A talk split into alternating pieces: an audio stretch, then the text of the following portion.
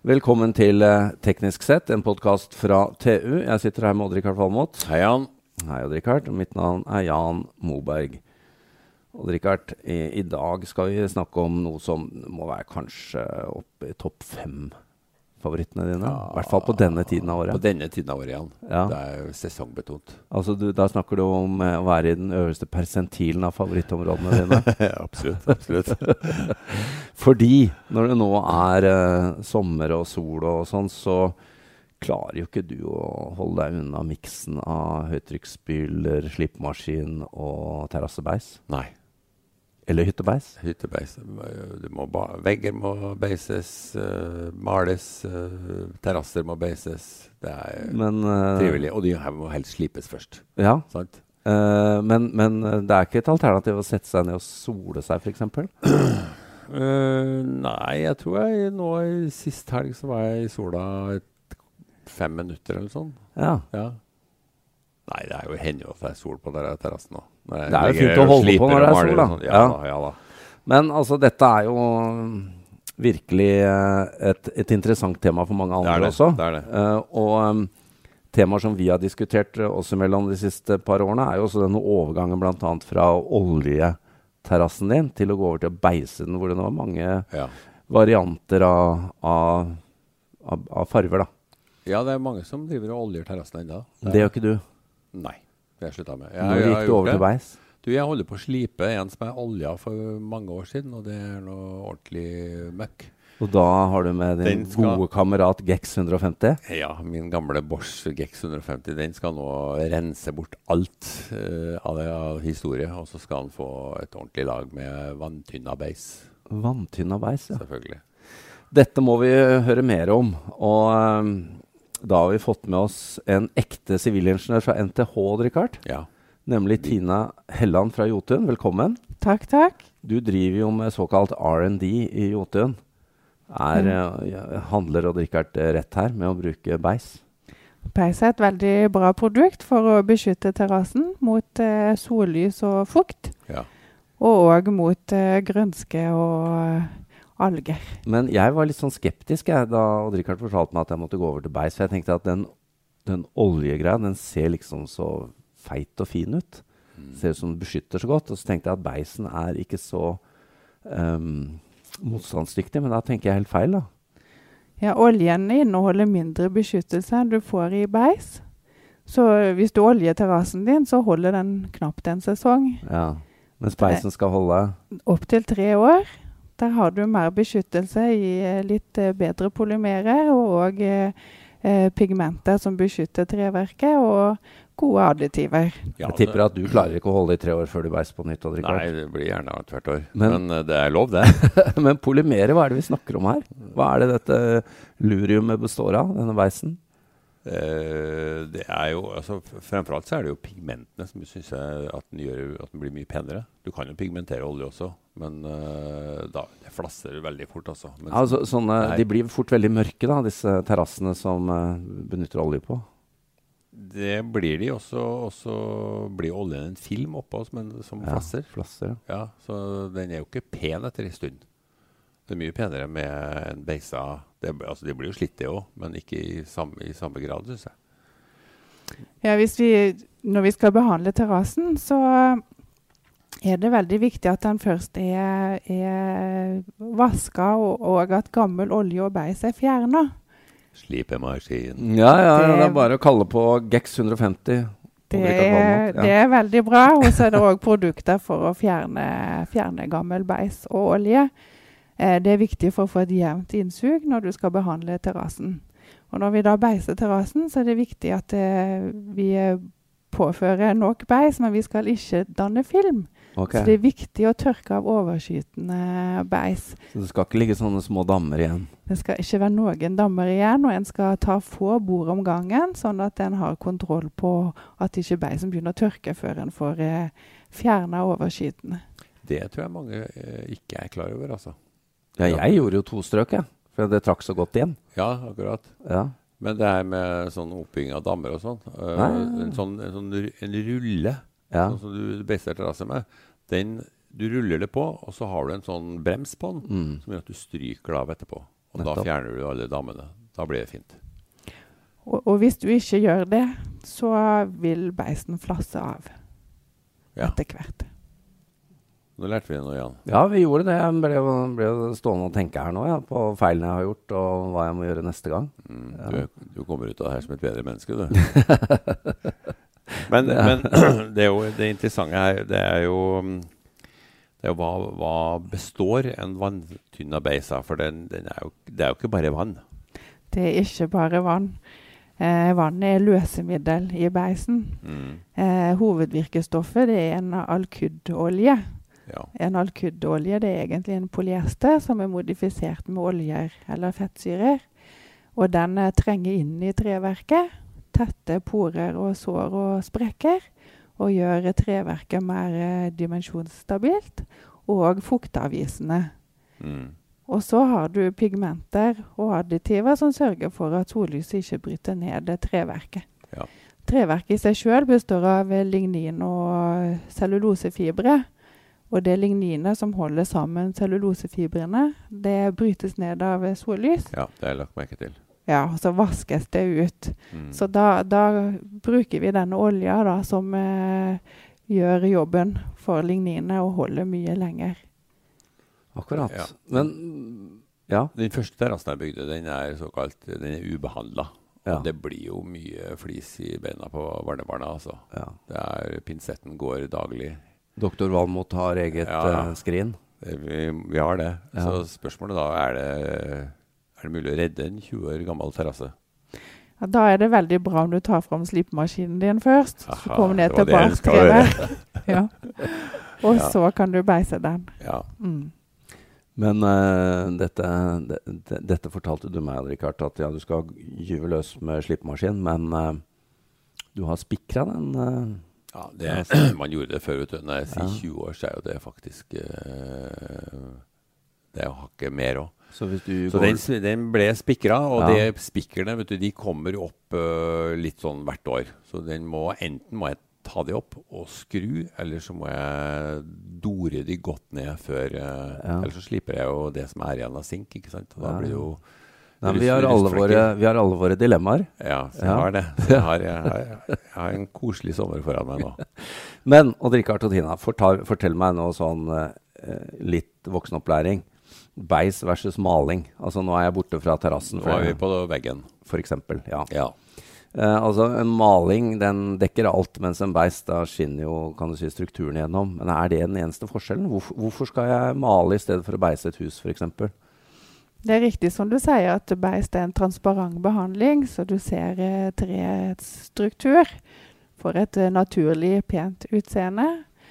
Eh, hvis du maler, så har du et dekkende system. Du har en dekkende film som eh, beskytter treverket, men òg skjuler treverket i større grad. Eh, du ser ikke kvistene og, og årringene. Eh, en maling holder jo lenger enn en beis, så du må vedlikeholde oftere hvis du beiser. Men eh, på maling så må jeg liksom skrape og holde på, da. Så det er enklere å beise.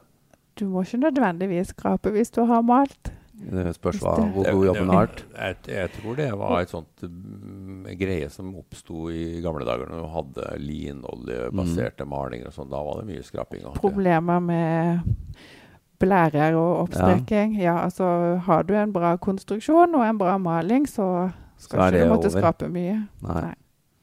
Hva velger du, Odd Rikard? Nei, altså Både hytta og huset er malt. Jeg Ja. syns det er helt suverent. Og da bruker jeg vannbasert uh, maling. Det er mer- Ja, for det også Ja. må vi ta to ord om. Du har altså oljebasert og vannbasert Ja, uh, malinger. Nå også ute, altså ikke bare inne. Hva er uh, pros and cons? En, eh, en olje Vi snakker om løsemiddeltynnermaling. Da er det ofte alkydmalinger. Eh, Mm. Alkydmalingen er god på å trenge inn i treverket uh, og har en viss glans- og fargeholdbarhet. Uh, hvis du har et rufsete underlag, så er oljemalingen et godt valg. Akryl eh, ja, altså I vanntynna malinger så er det ofte akryller som er brukt. Eh, akryllen har en langt bedre glans- og fargeholdbarhet. Så den holder bedre på fargen. Det har jeg lagt merke til. holder Altså vannbasert. Vannbasert, ja. Mm. Og så er det jo sånn eh, Renseprosessen etterpå er jo nydelig. ikke sant? Jeg har jo brukt Optimal både på hus og hytte i mange år. Ja, du står ikke der med, med øh, løsemidler. Nei. Nei, det er, gen- generelt er det jo veldig lite løsemidler i, i malinger. Både inne og ute.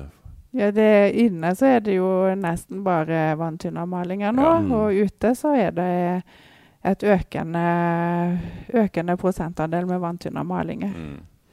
La oss øh, snakke litt om øh, farver, da. Jeg sliter jo med litt sånn svartsopp ned på de hvite veggene nede på, på hytta. Mm. Det må jo være et kjent problem. Ellers kan du vente noen år, så er hytta svart. Ja, ja, ja det er et Eh. alternativ. Men, men, øh, men noen velger jo da svart maling for å slippe det utfordringen, Ja. for da blir veggen varmere, og det trives mindre med den type sopp og annet. Det er riktig. En, en lys vegg den eh, sier vi at den blir uh, ca. 39 grader i sola, mens en eh, svart vegg blir opptil 70 grader. Akkurat, så da koker Så- du de små Stekt sopp på steks på veggen, ja. Da trives ikke de så godt, nei. Nei. Det blir 70 grader, ja. Ja, for jeg, hytta vår er svart. Men da får du mer sprekkdannelse. Da blir det mer sprekkdannelse, for da blir det litt tøft for treverket å følge bevegelsene Mm. med temperaturendringer og fuktendringer. Ja. Som Det, vi, det legger jeg merke til. Altså, den solveggen er jo ganske oppsprunget. Hos deg? Ja. Ja, men da må du beise ofte, eller male ofte. Den blir malt uh, oftere enn de andre, ja. Definitivt. ja, ja. Nei, men det, jeg ser det. Men har, uh, har uh, Hvilken utvikling har vært på malingstypene da, for å holde denne soppdannelsen borte? Nei, det er jo tøffere for eh, oss i malingsbransjen å holde tritt med eh, værendringer. Det blir varmere og fuktigere klima, og så er det strengere og strengere reguleringer på vi, hva vi har lov til å bruke. Mose i plenen og sopp på veggen. Ja.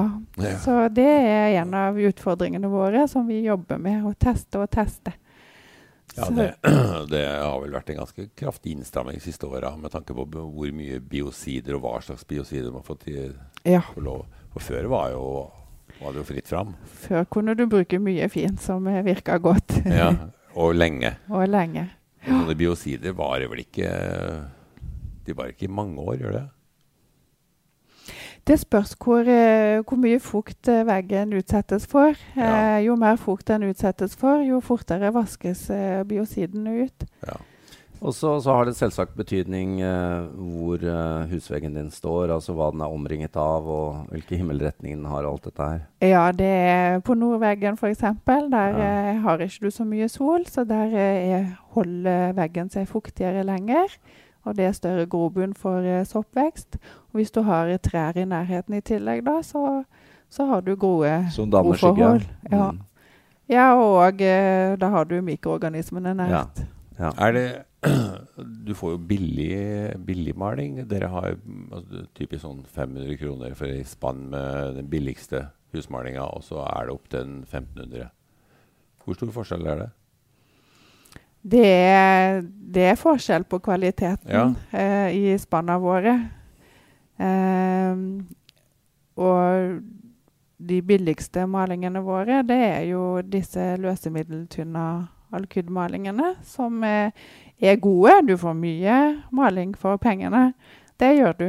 Eh, men de holder jo ikke så lenge som de eh, 1500 kroners bøttene. De holder et pent utseende lenger. Og de holder dobbelt så lenge, eller sånn?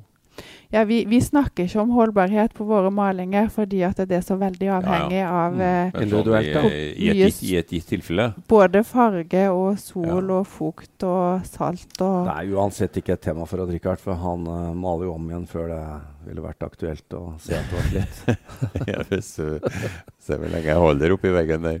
Eh, dere, et tema jeg bare syns vi skal avslutte med uh, nå, i dette som du og Richard kaller uh, årets vakreste eventyr her på våren og sommeren, når du skal ut og både snekre Og slipe. og slipe og beise og kose deg. Dette med trykk, trykkimpregnert materiale Hvis du snekrer deg en terrasse eller en levegg, eller noe sånt, så skal jo den stå en stund. Er det fortsatt det som er regelen? Det trykkimpregnert materiale. Det er jo for å hindre råte.